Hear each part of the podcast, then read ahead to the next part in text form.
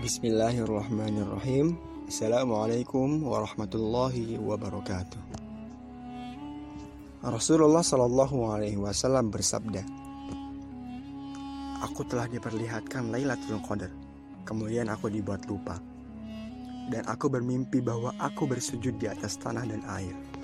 Maka kami dituruni hujan pada malam yang ke-23 Hadis riwayat Muslim nomor ke-1167 Fase 10 hari terakhir menjadi sangat istimewa dan selalu menjadi malam-malam favorit Rasulullah Shallallahu Alaihi Wasallam. Beliau sudah memberikan contoh bagaimana memaksimalkan hari spesial 10 malam terakhir Ramadan ini.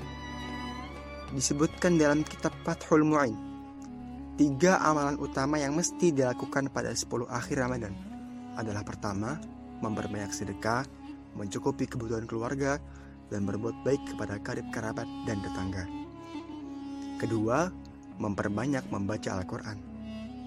Imam An-Nawawi menjelaskan, membaca Al-Quran di akhir malam lebih baik ketimbang awal malam.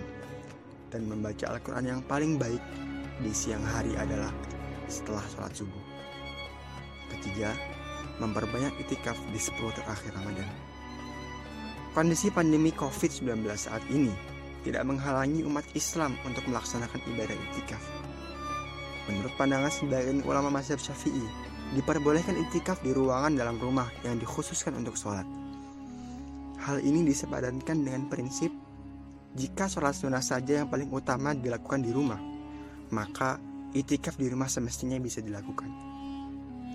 Oleh karena itu, mari kita sama-sama memaksimalkan Ramadan tahun ini. Bagaimanapun keadaan kita saat ini, tidak menghalangi kita untuk meraih ridhonya. Subhanakallahumma wa bihamdika asyhadu an la ilaha illa anta astaghfiruka wa atubu ilaik. Assalamualaikum warahmatullahi wabarakatuh.